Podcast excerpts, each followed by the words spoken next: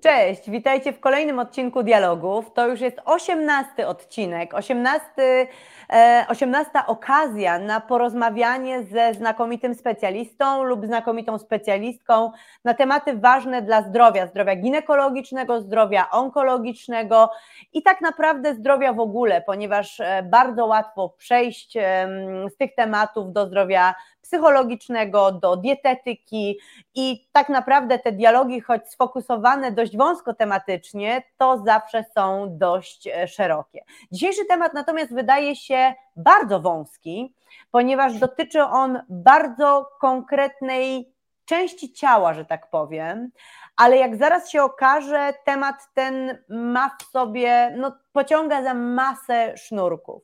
I jestem niezwykle zaszczycona, że E, ten ważny temat, nie tylko dla mnie, mm, e, wyjaśni mnie i Wam. Profesor Krzysztof Nowosielski, kierownik oddziału ginekologii położnictwa i ginekologii onkologicznej Uniwersyteckiego Centrum Klinicznego w Katowicach, kierownik Katedry i Kliniki Ginekologii i Położnictwa Wydziału Nauk Medycznych Śląskiego Uniwersytetu Medycznego w Katowicach, specjalista w dziedzinach ginekologii, położnictwa, onkologii, seksuologii, operator, e, który ma międzynarodowe doświadczenie chociażby w technikach laparoskopowych, e, współtwórca projektu Okiem Ginekologa i Położnej i jak zresztą przed chwilą poza anteną mówiłam, wielki, wielki autorytet wśród naszej społeczności syrenek, czyli kobiet z nowotworami ginekologicznymi. Dzień dobry, cześć. Cześć, witam Was serdecznie. Ja też jestem zaszczycony, że mogę dzisiaj z Tobą porozmawiać o bardzo ważnym problemie, bo rzeczywiście y, teoretycznie mały narząd, a praktycznie od tego, co dzieje się w waginie, zależy bardzo dużo, a to nasze leczenie, które czasami ratuje życie, będzie miało na ten narząd wpływ i o tym dzisiaj chcieliśmy wspólnie z Agą, e, z naszymi słuchaczkami i słuchaczami porozmawiać. Tak jest, bardzo się cieszę.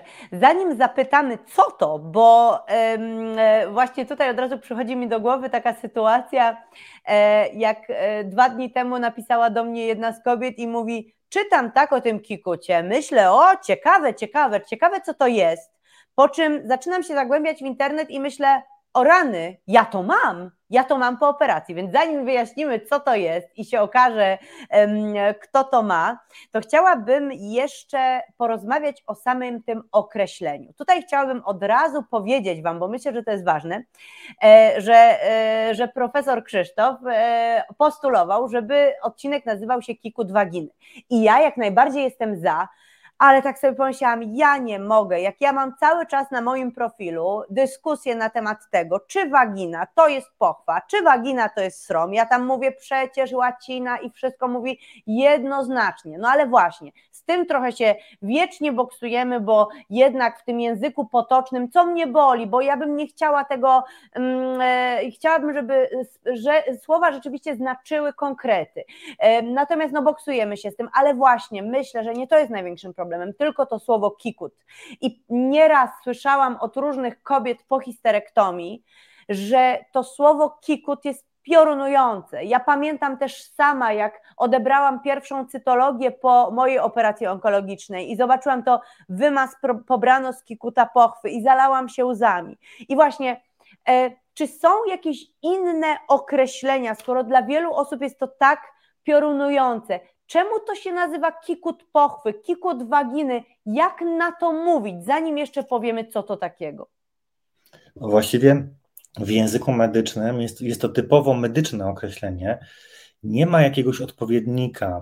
To trochę tak przychodzi mi na myśl takie porównanie. Jeżeli mamy pacjentki i pacjentów, którzy na przykład muszą z jakiegoś powodu mieć amputowaną, czyli odciętą kończynę, na przykład nogę, rękę, to też mówi się, że mają kikut nogi, prawda? No I to jest faktycznie typowo medyczne określenie. My rzeczywiście, jakby spojrzeć, spojrzeć na to zupełnie z boku, to dla wielu e, kobiet samo określenie kikut jest przerażające, no bo rzeczywiście czegoś może brakować. My żeśmy się spierali i je też, e, jak żeśmy rozmawiali wcześniej, mówiłem o tej waginie zamiast pochwy, więc myślę, że jesteśmy winni wyjaśnienia naszym słuchaczkom, słuchaczom, to wynika z pewnej zmiany mm, podejścia, bo um, słowo pochwa jest takim pewnie staropolskim, um, staropolskim słowem, ale ono ma w sobie dużo negatywnych emocji, tak? I stąd coś na coś, nie? Taki pokrowiec, to masz na myśli? Do czegoś, czyli coś, co będzie, czyli kobieta i jej narząd płciowy traktowany jest jako coś podległego, coś, co ma mniejszą wartość niż penis, no bo to penis czy szable wkładamy do pochwy, czyli tej osłony. I po tym, z tego powodu seksuolożki, seksuolodzy postulują w Polsce, żebyśmy troszkę zmodyfikowali swoje podejście i używali słów, które są bardziej neutralnej. Takim neutralnym słowem jest słowo wagina.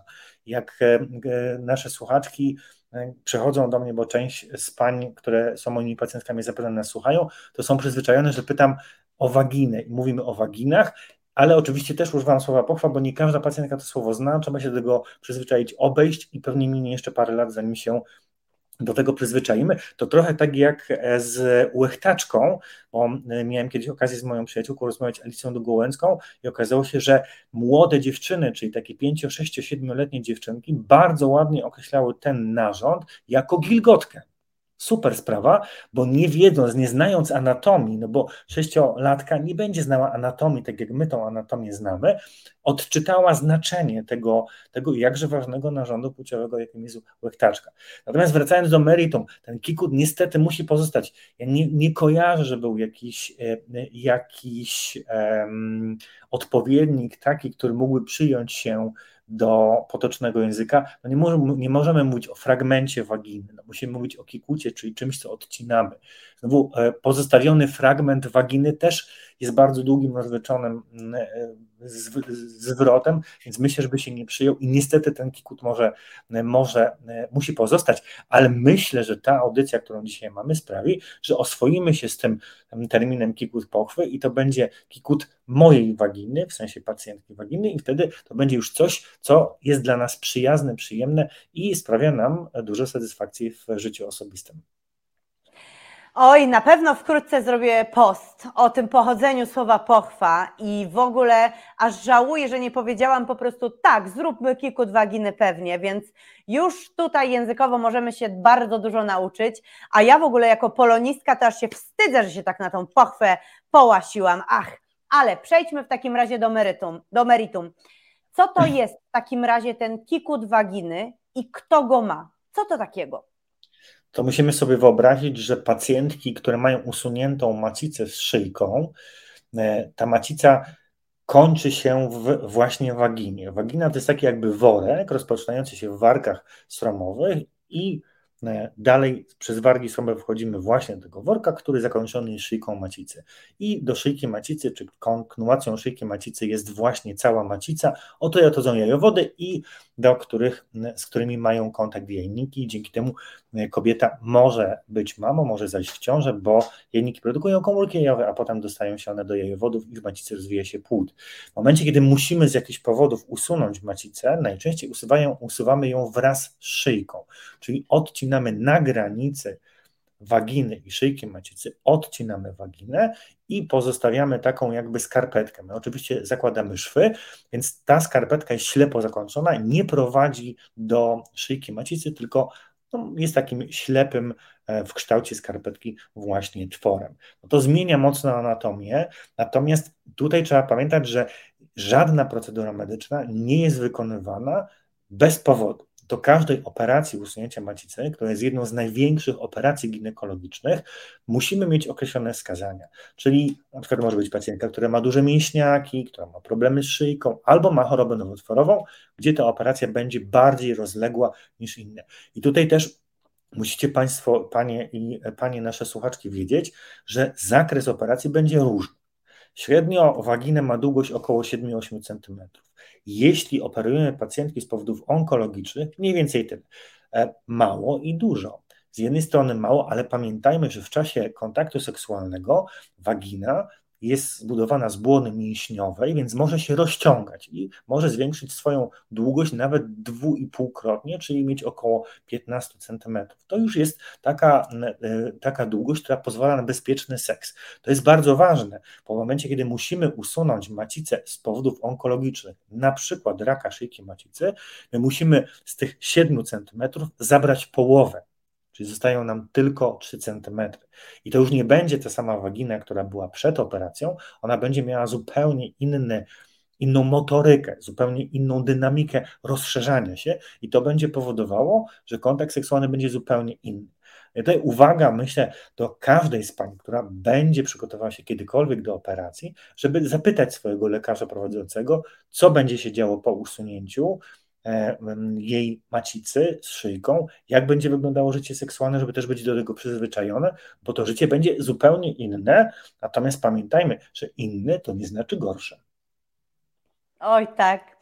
E, no to teraz e, w ogóle nie powiedziałam ważnej rzeczy. Jeżeli macie jakieś pytania w tym temacie, e, to bardzo proszę pisać je w komentarzach. Ja na koniec je przekażę panu profesorowi. Dobrze, no to w takim razie już sobie to wyobrażamy, że ta pochwa po prostu jest na końcu przecięta i zaszyta szwami ale przecież ona idzie do góry, a jest grawitacja. Więc czy ona tak tam leży, czy jest czymś przywiązana? Jak to operacyjnie się kończy? E, skoro ta pochwa wcześniej do czegoś prowadziła i to ją utrzymywało w pionie, a teraz tego czegoś już nie ma, no to co, e, jak to w środku nas jest, e, jest zrobione? Czy ona tak sobie jakoś po prostu leży, czy jest jakoś umocowana?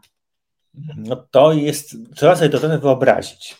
I, I, musimy, musimy wrócić do sytuacji, kiedy mamy macicę. Macica wisi w takim hamaku. To jest trochę jak, jak mamy małego bobasa, mamy swoje własne dzieci małe, takie kilku, kilkumiesięczne, to czasami wkładamy je w takie hamaki, które sobie, które, w których dzieciaki mogą się bujać. Tak można sobie to wyobrazić. I właśnie macica z szyjką wisi na takim hamaku i objęta jest waginą. Teraz e, w momencie, kiedy my odetniemy macicę z szyjką od waginy, to ten hamak, na którym wisiała struktura, nadal zostanie. I my jakby z powrotem przyszywamy tą pochwę do tego hamaka. Czyli ona będzie sobie dalej w tym hamaku e, wisiała i będzie do tego hamaka przymocowana, więc nie ma możliwości, żeby w jakiś sposób wypadła. My specjalnie zakładamy dodatkowe szwy, tak żeby właśnie do tego hamaka, w którym wisi, wisiała macica, przymocować waginę, żeby nie było sytuacji, która ona, kiedy ona się obniża i kiedy zaczyna przeszkadzać. Mhm, rozumiem. E, no to przejdźmy w takim razie do e, konkretnych kwestii związanych z leczeniem. E, do histerektomii mamy różne wskazania. Będzie zresztą o tym, mogę już trochę zdradzić, kolejny live z profesorem Szymanowskim. Będziemy mówić właśnie o, między innymi o wskazaniach do histerektomii. Natomiast no głównie są to wskazania onkologiczne i, e, i o tym właśnie głównie też e, mówię ja na tym koncie, a profesor Krzysztof tym się, e, tym się zajmuje, więc zapytam od razu o radioterapię, no bo operację już w pewien sposób sobie omówiliśmy, ale od razu nasuwa nam się te, ta myśl, że dobra, no pochwa jest dość krótkim narządem, ale tak jak powiedziałeś, rozciąga się i nawet jak, jak jest na końcu, e, jak jest skrócona, jak jest zaszyta, no to ona się rozciąga, no i to wszystko wyobrażamy sobie jako takie, że no już trudno, że nie ma tej szyjki, damy radę. No ale teraz mamy radioterapię, mamy leczenie, które no tak naprawdę nie poprawia elastyczności tkanek, tylko wręcz przeciwnie. I tu od razu się pojawia pytanie, które, z którym trochę wjeżdżam z nienacka, ale ono się pojawiło w tylu wiadomościach, które dotyczyły promocji tego naszego spotkania, że chciałabym zadać je od razu. Co z tym kikutem po radioterapii? Czy to się może zarosnąć? Czy to prawda, że pochwa może się zarosnąć i że nie ma na to żadnej rady? Co z radioterapią i kikutem pochwy? No, musimy zacząć od tego, że mm, staramy się tak kwalifikować pacjentki do leczenia, szczególnie w przypadku raka szyjki macicy, żeby nie łączyć metod leczenia. Czyli najpierw każda pacjentka przechodzi ma zakładaną zieloną kartę i na pewno każda z pań i naszych słuchaczy i słuchaczy wiedzą, że zakładamy taką specjalną kartę, dzięki temu możemy mieć szybką diagnostykę, wykonać badanie, rezonans, tomografię, czyli tak zwane badanie obrazowe i wtedy odpowiadamy sobie na pytanie, która metoda będzie lepsza. Jeśli, jeśli zakwalifikujemy pacjentkę do operacji i usuniemy macicę wraz z szyjką, to liczymy na to, że kolejne leczenie, czyli radioterapia nie będzie potrzebne. Czasami nie da się odpowiedzieć w 100%, że na pewno nie będzie potrzebna taka terapia, i wtedy pacjentce musimy zaproponować leczenie uzupełniające, czyli zoperowaliśmy ją, ma kikut waginy, a my musimy jej powiedzieć, jeszcze musimy panią naświetlić. W przypadku innych nowotworów staramy się też tak operować, żeby tej radioterapii niekoniecznie stosować. Czasami musimy i wtedy nie ma wyjścia, mamy skróconą waginę i jeszcze dodatkowo jak ją naświetlimy, to pod wpływem promieniowania, to tak trochę jak pod wpływem temperatury, jakbyśmy sobie zobaczyli, zostawimy sobie na przykład skórkę pomarańcza albo pomidora, albo jabłka, albo jakiś owoc na słońcu, to po pewnym czasie on się skurczy mniej więcej o połowę zmarszczy się i skurczy. Tak samo będzie z naszą waginą, czy z waginą pacjentek. W momencie, kiedy my zastosujemy promieniowanie, to wtedy z jednej strony zniszczymy komórki nowotworowe, a o to nam chodzi. Chodzi o to, żeby nie było wznowy w właśnie tym kikucie waginy, czyli żeby nowotwór nie wrócił, a z drugiej strony my spowodujemy, że ta wagina się mocno zwęzi. Oczywiście trzeba teraz wyobrazić sobie, mamy 7 cm, zrobiliśmy operację, mamy 3 cm szerokość zostaje taka sama, ale jak naświetlimy, to znowu zmniejszymy szerokość o połowę, czyli mniej więcej z 3-4 cm będziemy mieć 2 cm, czyli 3 cm na 2 cm, bardzo mała skarpetka. No i teraz, jeżeli nic z tym nie będziemy robić, to po pewnym czasie ściany pochwy, które są podrażnione, skleją się i rzeczywiście próba rozdzielenia tych ścian spowoduje, że będzie krwawienie i bardzo duży dyskomfort, łącznie z dolegliwościami bólowymi. Czyli odpowiadając na Twoje pytanie, tak, może być tak, że jeżeli nic nie zrobimy po radioterapii i operacji, to nasza to wagina będzie zarośnięta i będzie, nie będzie mogła pełnić swojej funkcji, mówię o funkcji seksualnej. No ale po to jesteśmy my po to jest terapia, żeby tą funkcję odbudować żeby każda pacjentka, która musi przechodzić takie leczenie onkologiczne, no dalej funkcjonowała i cieszyła się ze swojego życia, w tym życie seksualnego.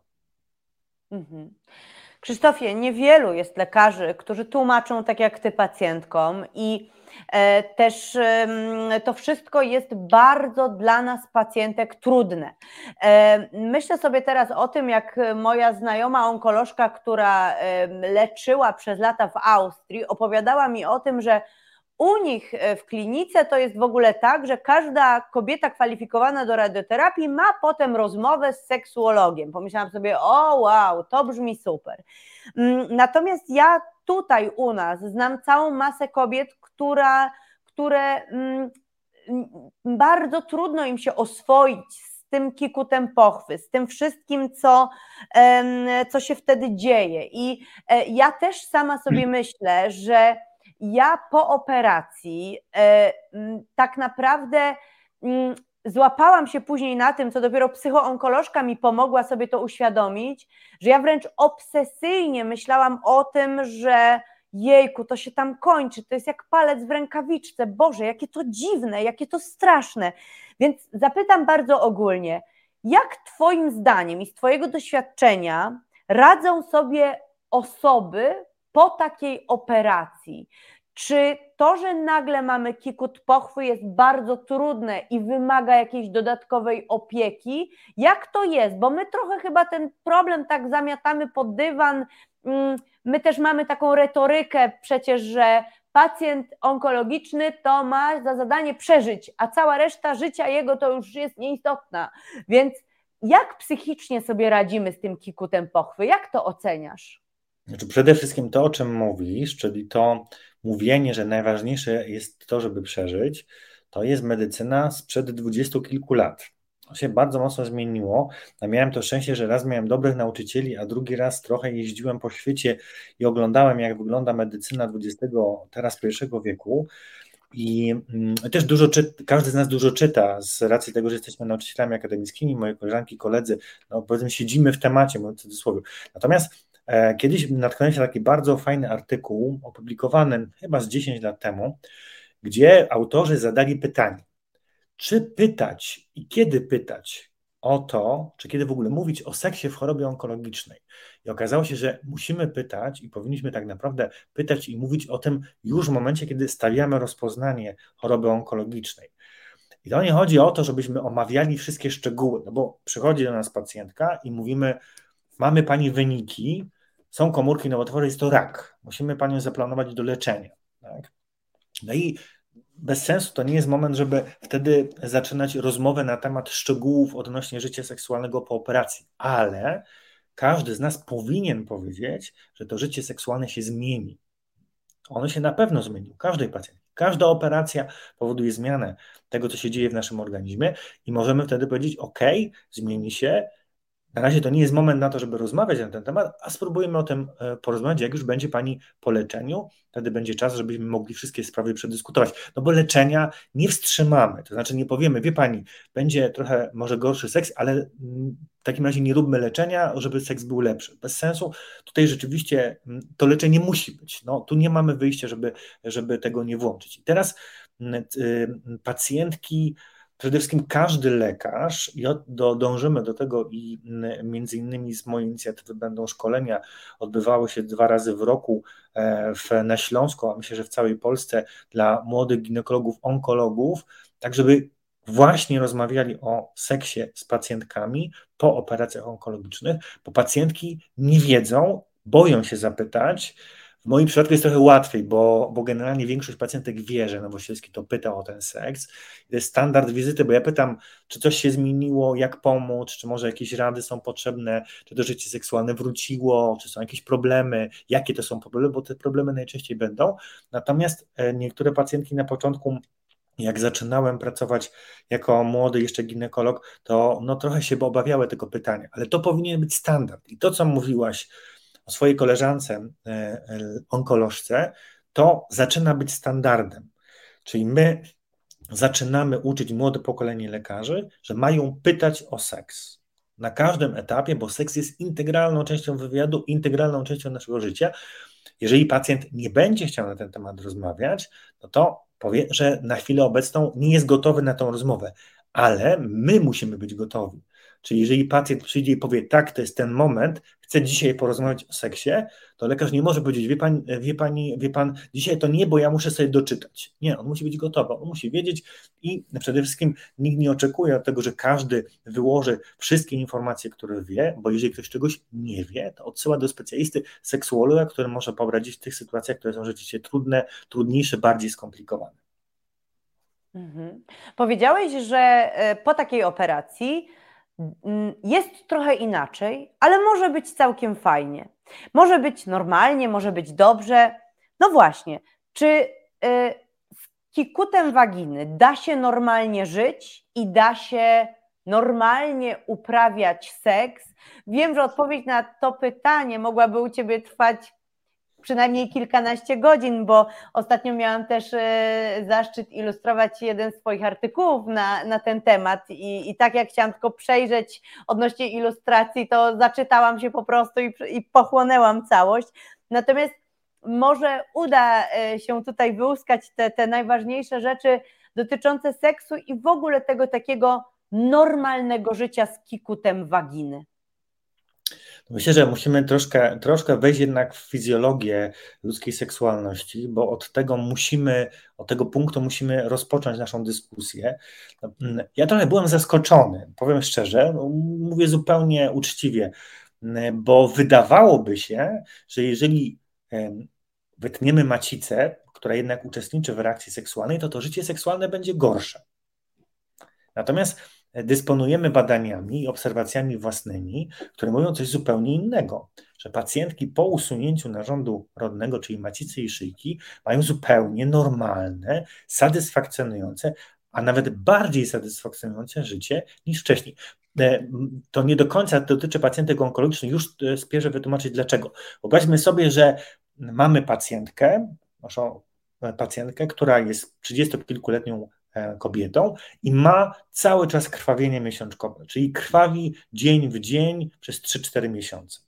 Próbujemy włączyć leczenie, nie udaje się, usuwamy macicę. Co się dzieje? Pacjentka przestaje krwawić. Czyli poprawia się komfort życia i seks dla niej będzie w ogóle możliwy. I w tym kontekście taka operacja będzie dla niej super sprawą, no bo rzeczywiście wyczerpaliśmy wszystkie możliwości leczenia. Usunięcie macicy jako źródła krwawienia powoduje, że pacjentka odzyskuje swoją seksualność, może cieszyć się życiem seksualnym. I teraz wróćmy do początku i zaraz jeszcze wrócimy później do tych sytuacji onkologicznych.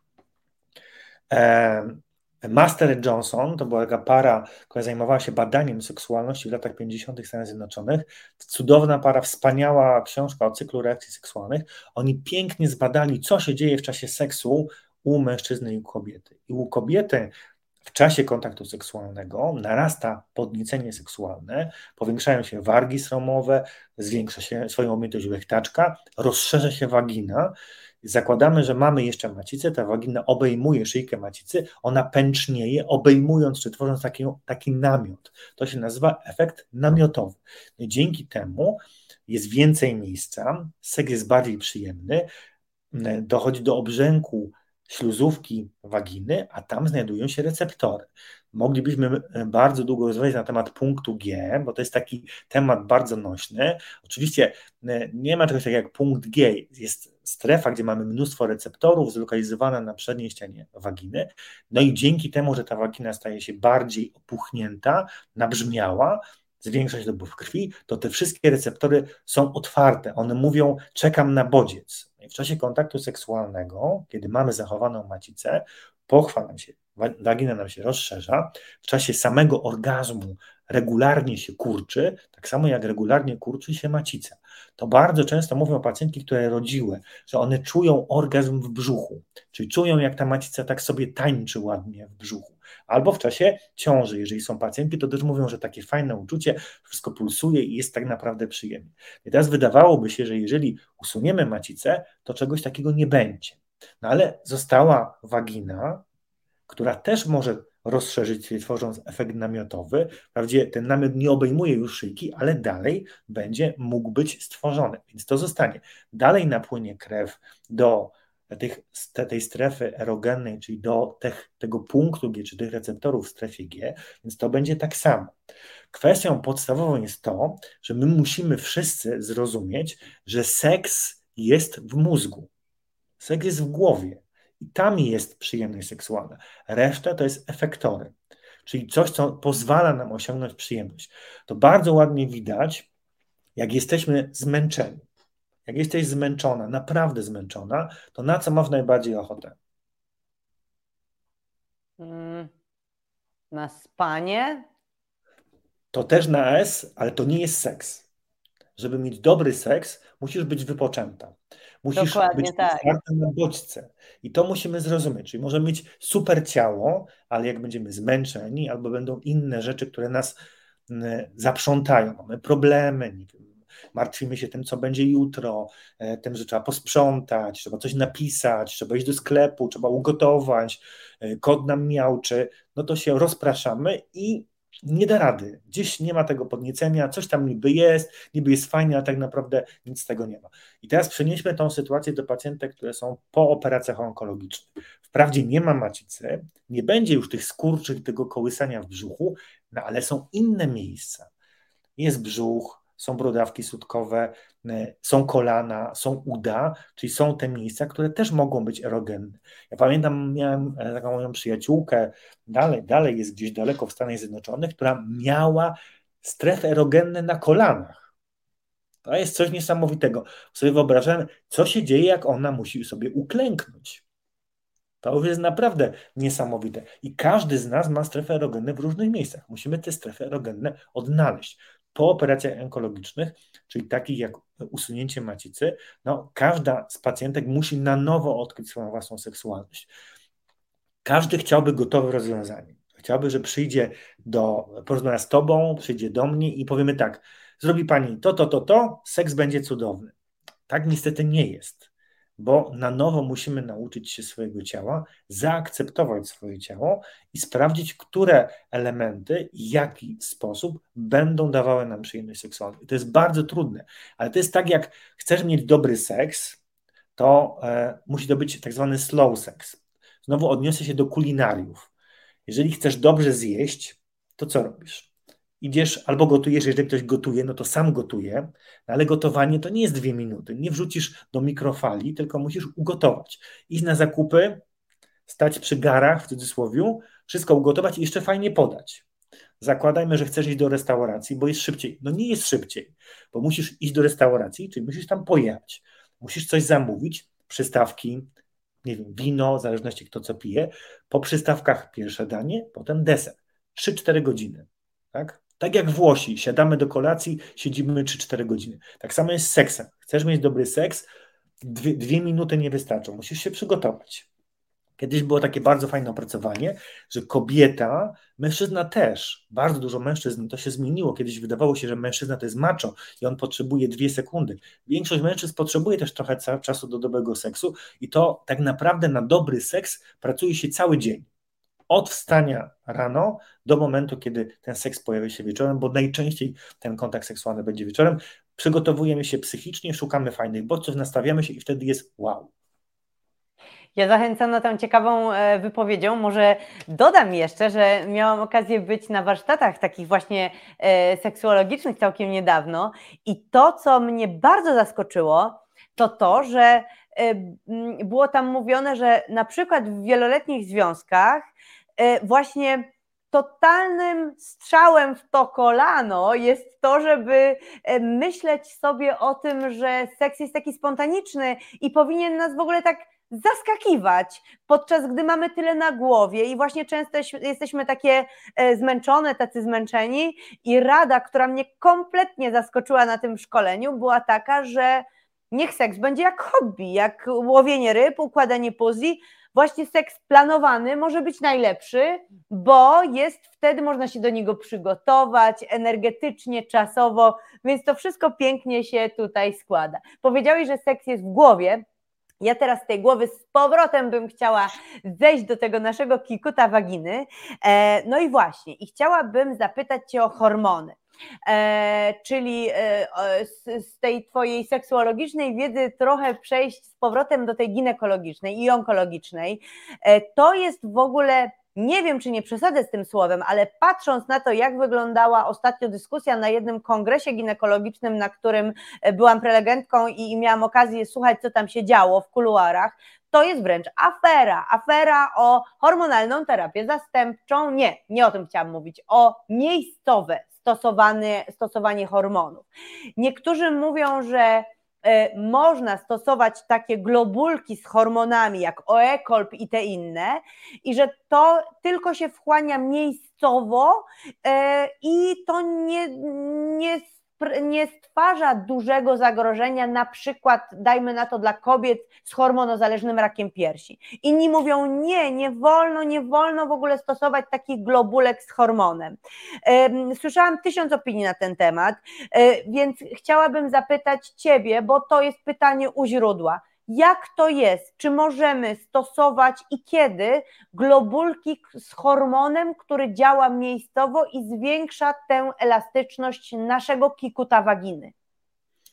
To jest trudne pytanie, bo e, jakby są różne opinie, tylko tak naprawdę każdego z nas nie interesuje opinia mojego kolegi czy koleżanki, tylko interesują nas rekomendacje, standardy i zalecenia. I one są jednoznaczne. Terapia hormonalna ogólnoustrojowa, czyli w postaci plastrów, tabletek, jest przeciwwskazana w nowotworach hormonozależnych aktywnych, czyli głównie mówimy o raku piersi i raku endometrium. Rak szyjki i rak jajnika to są inne nowotwory i tam spokojnie tą terapię hormonalną możemy stosować. Też nie, bez sensu się wgłębiać w szczegóły, bo też są pacjentki, które mają na przykład raka piersi, który nie ma receptorów. To jest tak zwany potrójnie ujemny nowotwór. I tutaj w ogóle jest bezpieczne stosowanie hormonów. Te, które podajemy dopochwowo, one rzeczywiście wchłaniają się w minimalnym stężeniu, czyli takim stężeniu, jakie i tak produkują, produkuje organizm każdy, każdej kobiety w tkance tłuszczowej, bo tłuszcz jest źródłem estrogenów. Więc absolutnie można te hormony stosować, tylko pamiętajmy, że to też nie jest tak, że zastosujemy raz na jakiś czas i same hormony, bo trzeba je połączyć z innymi substancjami, głównie z kwasem hialuronowym w różnej postaci, bo on odpowiada za elastyczność. Hormony trochę spowodują, że tkanka będzie łatwiej przyswajała kwas hialuronowy i będzie bardziej taka mm, wrażliwa na ten drugi bodziec, bo sam estrogen niewiele zdziałał. Trzeba połączyć te, dwie, te dwa elementy. No i znowu jeszcze jeden element, o którym musimy pamiętać. Jeśli mamy pacjentkę, która ma usunięte jajniki, czyli jest w okresie menopauzy chirurgicznej, bo my żeśmy je usunęli, no to musimy o tą waginę dbać, a dbamy również w taki sposób, że w czasie kontaktu seksualnego absolutnie stosujemy środki nawilżające na bazie wody najlepiej, na bazie silikonu najlepiej, czyli takiego, takie preparaty, które nawilżą, zostawiają taką ochronną powłokę. Jeśli tego nie zrobimy, to wtedy będą mikrourazy, one spowodują, że będą dolegliwości bólowe, to się nie będzie chciało goić, no bo nie ma hormonów faktycznie i kolejny seks będzie powodował dolegliwości bólowe. Co zrobi nasza głowa? Powie tak, nie, nie, nie, bolało, seks jest nieprzyjemny, nie rób tego więcej. Niestety. Mhm. Oj tak, to ja widzę, że tutaj nasze widzki mają już trochę pytań i już będę do tych pytań przechodzić, obiecuję, ale jeszcze dwa pytania ode mnie. Pierwsze to jest takie pytanie, które też mm, jest skutkiem moich rozmów z koleżankami e, z rakiem, z syrenkami. To jest taka obawa dotycząca tego, czy coś z tym kikutem może się stać. Czyli, czy może się tak wydarzyć, że penis albo jakaś zabawka erotyczna te szwy tam przerwie, albo że to, na czym ten kikut tam jest zamocowany, to się urwie, że ja będę robić no, pewnie jakieś seksualne zachowanie, po prostu będę uprawiać seks i nagle coś się wydarzy, ten kikut mi wypadnie albo się urwie i stanie się taką rureczką prowadzącą prosto do wnętrza mojego brzucha. Czy jak bardzo odporny jest ten kikut? Czy jest się czego obawiać, czy te obawy nie mają przełożenia na rzeczywistość? E, pamiętasz, jak mówiłem, że po operacji ta nasza wagina, czy ten kikut tworzy taką skarpetkę. Tak. tak. I myślę, że to warto sobie zapamiętać, bo skarpetka jest cała zakończona. Tak? Tam już nie ma szwów. Szwy się rozpuszczają, a nasza tkanka się łączy, czyli się goi. Ten proces gojenia trwa różnie. Najczęściej trwa około 8 tygodni. I po 8 tygodniach można rozpocząć współżycie. Nie ma takiej możliwości, czy zawsze nie ma ryzyka, nie ma, nie ma zabawy, nie ma ryzyka. Nie ma ryzyka, nie ma zabawy, tak? Ale to mówimy o sytuacjach takich bardziej naturalnych. Jeżeli to jest seks e, prawidłowo wykonywany, czyli taki, gdzie rzeczywiście nie eksperymentujemy z niebezpiecznymi przyrządami, to nie ma możliwości uszkodzenia waginy. Oczywiście e, trzeba uczulić wszystkie pacjentki, że jeżeli nie było seksu przez 8 tygodni, 9 tygodni, czasami więcej, była jeszcze radioterapia, to ta wagina musi być znowu przygotowana na seks. I do tego służą rozszerzacze, o których też wspólnie e, ilustrowałaś, mówiliśmy wspólnie na, na właśnie książce, która pewnie niedługo się już ukaże, więc na pewno będziemy jeszcze do tego wracać. Więc trzeba znowu wyćwiczyć tą waginę. I o tym trzeba pamiętać, żeby nie od razu skakiwać na głęboką wodę, tylko od nowa trzeba nauczyć się, jak głęboko może ten penis wejść, jak trzeba rozbudować tą grę wstępną, żeby czuć że coś się zaczyna dziać, czyli kobieta, pacjentka musi czuć, że zaczyna się coś dziać tam na dole, czyli w narządach płciowych, powiększają się wargi stromowe, powiększa się łechtaczka, jest zwiększone nawilżenie, obrzmienie, czyli to znaczy, że twój organizm przygotowuje się na przyjęcie, na kontakt seksualny, jakikolwiek by on nie był. Czy to będzie zabawka erotyczna, czy to będzie twój partner, twoja partnerka, obojętnie kto i wtedy wiesz, że jesteś gotowa do tego, aby ten kontakt seksualny był. Zrobienie czegoś bez przygotowania spowoduje, że będą faktycznie urazy, ale one nie spowodują E, rozerwania tego, tej skarpetki, tego kikuta waginy, nic się nie oderwie od niczego, bo pamiętajmy, to jest tak jak ten noworodek zawieszony na hamaku, tam jest zawieszony i nic go stamtąd nie wyrwie. Nie da się go stamtąd wyjąć, on tam po prostu będzie. Mhm. Och, cieszę się, że nasze widzki są takie aktywne. Już, już zabieram się za Wasze pytania, ale ja jeszcze o jedną rzecz zapytam. Mianowicie o wznowy. E, porozmawiajmy o raku szyjki macicy. I lekarz, u którego ja się leczę, zawsze profesor Szymanowski, on pobiera mi regularnie cytologię i mówi, że robi to po to, żeby tam nie, żeby sprawdzać, czy tam nie pojawiła się wznowa. Natomiast dostaję wiele pytań od e, kobiet e, po histerektomii, że jak to, ty masz cytologię? Ja nie mam. E, więc moje pytanie jest proste. Czy z kikuta pochwy z kiekuta waginy pobiera się cytologię, czy tam może pojawić się wznowa, a jeżeli jest histerektomia nie z powodu raka szyjki macicy, tylko innego, to czy tam może pojawić się, e, pojawić się rak? E, trudne pytanie poruszyłaś, bo w Polsce niestety każdy robi jak chce. Natomiast zalecenia są jednoznaczne. Ja miałem okazję teraz mm, za chwilkę, za podejrzewam kilka tygodni, pojawią się nowe rekomendacje Europejskiego Towarzystwa Ginekologii Onkologicznej odnośnie leczenia raka szyjki macicy. One się pojawią w Europie, e, podejrzewam, na jesieni. W Polsce po polsku pojawią się za jakiś czas, niestety. Natomiast miałem okazję być recenzentem, bo e, może dwa, możemy chwilkę przedłużyć, mam nadzieję. Dwa słowa tylko wytłumaczę, żebyśmy wiedzieli, jak to się odbywa.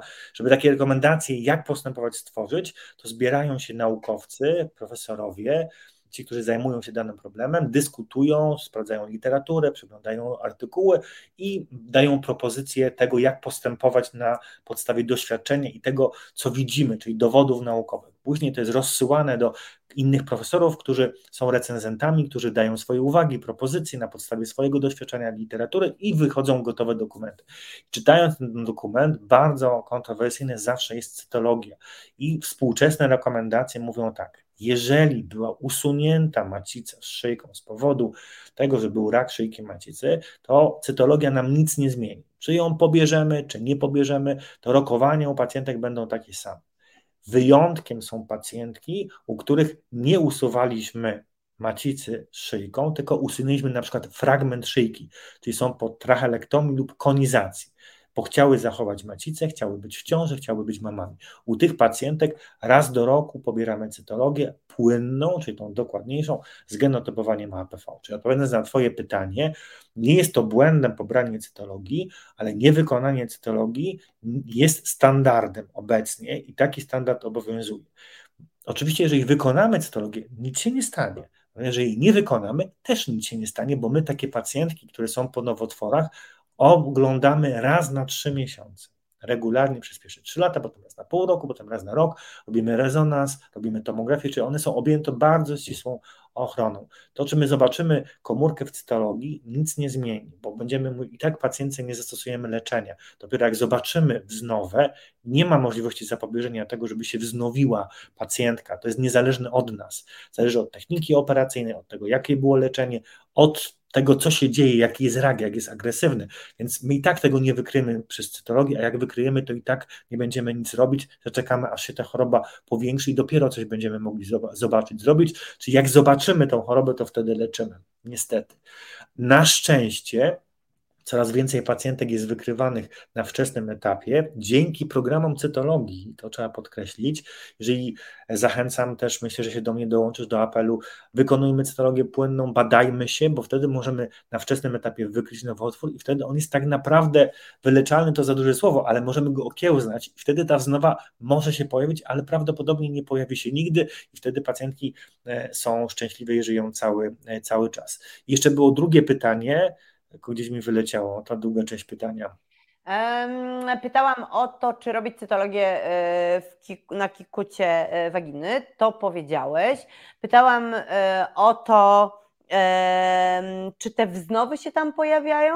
To może o to chodziło? Być może. Czy znowu, wszystko zależy od tego, na jakim stopniu, w jakim stopniu rozpoznajemy ten pierwotny nowotwór. Jeżeli to jest wczesny stopień, czyli taki, kiedy guz jest tylko w szyjce, to ryzyko wznowy wynosi około 5-10% maksymalnie. Jeśli już jest zaawansowana choroba, to to ryzyko może nawet wynosić 90% w ciągu pierwszych 5 lat. Obserwacje kliniczne mówią, że dużo pacjentek ma szczęście i te wznowy się na szczęście nie pojawiają i e, żyją sobie spokojnie kilka, kilkanaście lat. Oczywiście pod kontrolą ginekologów, onkologów, bo to jest warunek, trzeba się po prostu badać. Tak jest.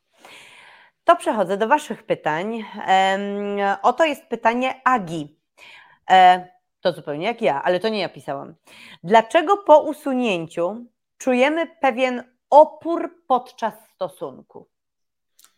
E, dlatego, no bo pamiętacie, jak mówiliśmy o tym, że w czasie operacji my skracamy, czy tak, czy inaczej, waginę. Czyli z tych 7 cm, nawet jeżeli byśmy, jeżeli byśmy wykonali operację nie z powodów onkologicznych, no to nigdy nie zachowamy 100% waginy. Zawsze ten centymetr będzie musiał być ucięty, bo nie da się tego zrobić idealnie. Jak zaszyjemy taką waginę, to też ją trochę skrócimy. I dlatego czuć opór. Jeżeli pacjentki mają macicę, kobieta ma macicę, to ona taki opór też będzie czuła, ale tym oporem będzie szyjka macicy. Tej szyjki nie ma, więc jest wrażenie, że tam jest taka pustka i coś jest dalej. Nic dalej nie ma, dalej jest tylko i wyłącznie jama brzuszna, do której się nie dostaniemy, bo ona jest zabezpieczona przez tą naszą skarpetkę, czyli kikut waginy. Mhm. Czyli tak czy inaczej ta pochwa nigdy nie jest nieskończona. Niestety nie. Można metodą ćwiczeń sprawić, że ona będzie bardziej elastyczna, tak? No bo tak jak mhm. skóra nasza rozciąga się, tak wagina, która zbudowana jest z tkanki mięśniowej, też będzie się rozciągała. No wymaga to praktyki, ćwiczenia z rozszerzaczami, kontaktów seksualnych z partnerem, partnerką e, i wtedy rzeczywiście będzie dłuższa i wtedy będzie, będzie można poeksperymentować. Jeżeli ktoś takie eksperymenty chce wykonywać, to jak najbardziej. Mhm. E, mam pytanie od Moni.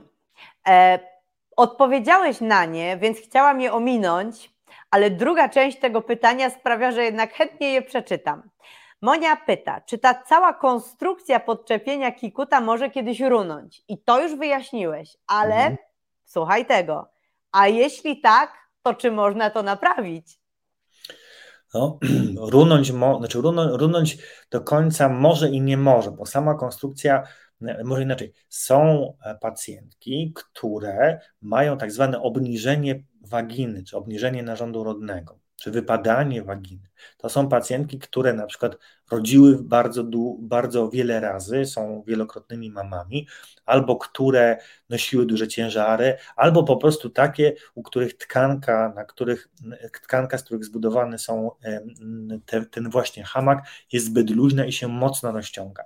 Jeżeli mamy taką sytuację, to e, takie pacjentki kierujemy do leczenia operacyjnego i rzeczywiście staramy się naprawić ten hamak. Można go naprawić na różny sposób. Z jednej strony możemy założyć kamerę do brzucha i przyszyć ten hamak, który się oderwał od kości, bo on jest zawieszony na kościach. Tak jak hamak jest zawieszony na, pomiędzy dwoma drzewami, tak na tymi drzewami jest, są kości miednicy, możemy przyszyć z powrotem tym razem do kości krzyżowej, czyli do tej przeciwległej części miednicy, albo możemy zrobić to od strony waginy, też możemy podwiesić do takich małych wypustek, które znajdują się na miednicy mniejszej i też możemy taką operację wykonać. No wymaga to trochę pomyślenia, odpowiedniej kwalifikacji pacjentek, zastanowienia się, czego oczekuje pacjentka, co chce, natomiast medycyna nie jest bezsilna, można operować, można też skorzystać na przykład z lasera. Jeżeli mamy niewielkie obniżenie, to laser spowoduje, że nam się ujędrni tkanka, obkurczy i wszystko pójdzie nieco do góry i e, tego obniżenia już nie będzie. Więc jeżeli ktoś ma takie problemy, zachęcam do kontaktu ze swoim ginekologiem, wtedy e, zaproponuję odpowiednią metodę leczenia, przedyskutuję wszystkie za i przeciw, no i potem można niesamowicie poprawić sobie komfort życia, Pacjentki przychodzą czasami do mnie i mówią, że już tragedia, seks przestał istnieć i nie wiedzą, co mają dalej zrobić, po czym wykonujemy operację, wracają, mówią, panie doktorze, no cudownie, no po prostu druga ja, drugie życie, nowe życie, cudowny seks, wreszcie czuję się naprawdę dobrze. Myślę, że mamy przestrzeń jeszcze na dwa pytania. Pytanie od Kasi jest bardzo krótkie, ale temat jest dość yy, obszerny. Kasia pyta wprost, co z HPV? Jeśli będzie, to co dalej? E, pytanie, pytanie, jaki HPV? To jest pierwsza rzecz. I sam, sama obecność wirusa, sam, sama obecność wirusa nie powoduje, że ktoś będzie miał raka. Bo wirus ma to do siebie, że nasz organizm może go pokonać. Są różne typy. Są typy onkogenne, czyli takie, które powodują raka szyjki macicy i są takie typy, które tego raka nie będą wywoływały. Teraz całe, cała e, diagnostyka wczesna, czyli wykrywanie wczesnych postaci, czy takich postaci przednowotworowych, czyli nie nowotworu, ale takiego stanu, który może doprowadzić do rozwoju nowotworu, polega na tym, żebyśmy wykonywali i cytologię, i badanie HPV wirusem. I wtedy, mając te dwa elementy, będziemy mogli zdecydować, co dalej. Jeżeli mamy dodatni HPV, a najczęściej w Polsce występują dwa typy 16-18, to wtedy wykonujemy badanie cytologiczne, a tak naprawdę powinniśmy pacjentkę wysłać na badanie kolposkopowe, Czyli obejrzeć sobie po takim powiększeniem szyjkę macicy, pobrać fragmenty tkanki, wysłać do badania pod mikroskopem to badanie nam powie, tak, jest już stan przednowotworowy lub nie, spokojnie możesz obserwować. Jeśli jest stan przednowotworowy, możemy fragment szyjki wyciąć i wtedy pacjentkę wyleczymy. I to jest clue, to jest ten, ten, ten punkt, tym zaczynamy rozumieć znaczenie diagnostyki i cytologii, o której mówiliśmy, i samego HPV. Wszystko zależy od tego, jaki typ, typ wirusa występuje, bo są takie, u których wystarczy obserwować, a są takie typy jak 16, 18, które wymagają tego, aby tą diagnostykę poszerzyć, czyli wymagają kolposkopii, o której mówiliśmy, i ewentualnie pobrania fragmentów szyjki do badania już pod mikroskopem. Mhm. No to na koniec pytanie od Doroty jest bardzo konkretne, ale coś czuję, że to będzie to pytanie, które będzie idealne na koniec naszej rozmowy. Dorota pyta, czy jest dla mnie jakaś nadzieja, jeśli przeszłam operację radykalną, chemię i radioterapię z brachyterapią przy hormonozależnym raku endometrium? Mam na myśli kikut waginy i jego kondycję oraz kwestie współżycia. Pozdrawiam. No, mam trochę mało wiadomości. Znaczy podejrzewam, że jeżeli była e, chemioterapia, radioterapia, to znaczy, że był zaawansowany proces, czyli prawdopodobnie były zajęte węzły chłonne. Natomiast absolutnie tak. Tylko znowu musimy wrócić do tego, że to nie jest proces rehabilitacji, może inaczej. Jak sobie złamiemy rękę, ja nie miałem nigdy złamane, ciężko mi powiedzieć, więc mówię z doświadczenia koleżanek, kolegów, to nosimy tą rękę w gipsie. Po sześciu tygodniach ściągamy gips, Teraz ile trwa rehabilitacja? No te osoby, które miały złamaną rękę, wiedzą, że to nie jest tak, że od razu mamy sprawną rękę, tylko musimy tą rękę z powrotem przywrócić do sprawności, czyli wykonać rehabilitację. Tak samo jest z waginą.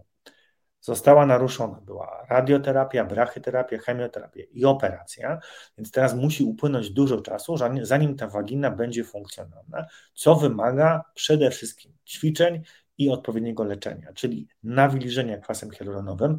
Estrogeny raczej nie, bo tutaj nowotwór był w okolicy, w której je stosujemy. To, że one działają miejscowo, ekol, o którym mówiłaś, w przypadku raka macicy, czyli raka endometrium jest przeciwwskazany, tego nie możemy zastosować, ale mamy kwas hialuronowy, który pięknie nam tutaj przygotuje waginę. Mamy rozszerzacze, z którymi trzeba zacząć pracować. Potem mamy partnera albo partnerkę i z nimi pracujemy i oni będą nam pomagać w tym, żeby znowu ten kontakt seksualny był możliwy. Jeszcze jedna rzecz, o której zapominamy. Pamiętajmy, seks i przyjemność tkwi w głowie. Nie skupiajmy się tylko i wyłącznie na sytuacji, kiedy penis jest w waginie, albo w waginie jest e, wibrator, albo jakaś inna zabawka erotyczna. No bo przecież oprócz waginy jest łechtaczka, są gruczoły piersiowe, są usta, są oczy, są uszy, czyli mnóstwo stref erogennych. I kolana. I kolana, dokładnie. I te wszystkie strefy erogenne też mogą dać przyjemność seksualną. Jest seks oralny, jest seks analny, może być stosunek udowy, czyli każda z Was, z pacjentek, może znaleźć taki rodzaj aktywności seksualnej, która sprawi jej przyjemność. Czyli inaczej mówiąc, jeżeli Twoja wagina nie jest gotowa na seks, to masz jeszcze inne elementy swojego ciała, również kolana, które w tym seksie, czy które dadzą ci przyjemność seksualną, a nie będzie to taki seks, kiedy penis, czy jakaś inna, czy jakiś inny wibrator jest w waginie. O tym trzeba pamiętać. Czyli nie zarzucamy, nie mówimy, no nic nie będzie, bo, masz, bo moja wagina nie jest gotowa. Nie. Skupmy się też na innych aspektach i innej przyjemności seksualnej w postaci innych rodzajów aktywności seksualnej. Czyli inaczej trzeba się otworzyć, tak? Jest Kama Sutra, jest slow cooking, jest slow sex. Trzeba korzystać z życia w tym sensie, żeby też odczuwać przyjemność nie tylko z samego seksu waginalnego, genitalnego, kiedy mamy kontakt z genitaliami. Mhm. Koran, kochane syrenki, pamię... Oj, przepraszam, przerwałam jeszcze. Nadzieja jest, nadzieja jest, trzeba tylko pracować. Kochane syrenki, nadzieja zawsze jest. Tak jest, pamiętajcie o tym, proszę. No i tak sobie myślę, e, że ja mam kikut waginy, jestem po brachyterapii, po radioterapii, jestem po histerektomii i tak naprawdę myślę, że moje życie seksualne jest naprawdę w porządku, więc wierzę w to, że są na to sposoby i że nadziei nie traćmy nigdy. Krzysztof, Panie profesorze, e, wiem, że ten odcinek był ważny dla wielu, wielu osób, w tym dla mnie, i wiem, że będzie ta rozmowa zapisana i odsłuchiwana jeszcze wielokrotnie i daje głowę, że dla wielu osób Twoje słowa dzisiaj, Twoje wyjaśnienia będą czymś, co sprawi, że poczują się znacznie lepiej, będą wiedzieć, gdzie szukać pomocy, a przede wszystkim zrozumieją, czym jest ten kikut pochwy i że tak po prostu czasem jest i że ta nazwa, choć straszy, oznacza zupełnie normalną rzecz, która powstała w wyniku tego, żebyśmy żyły zdrowiej e, i pewniej. Bardzo, bardzo dziękuję Ci za rozmowę i wszystko to, co robisz dla Syrenek. Ja Ci też również bardzo dziękuję za zaproszenie i dziękuję wszystkim naszym słuchaczkom, słuchaczom. Mam nadzieję, że wyjaśniliśmy te podstawowe wątpliwości. Można zawsze zadawać pytania, zsyłać, jak tylko e, damy radę, w większości dajemy to, odpisujemy i czy Ty odpiszesz, czy nie przejść jeszcze do mnie, ktoś napisze, jak najbardziej można pisać, kontaktować się i jesteśmy tutaj dla, dla Was, dla syrenek, dla wszystkich pacjentek no i trzymamy kciuki, zawsze jest nadzieja, kikut waginy, chociaż straszne, tak naprawdę można go oswoić, można e, mieć cudowne życie seksualne również z kikutem waginy, kikutem pochwy. No i chyba tego wszystkim życzymy.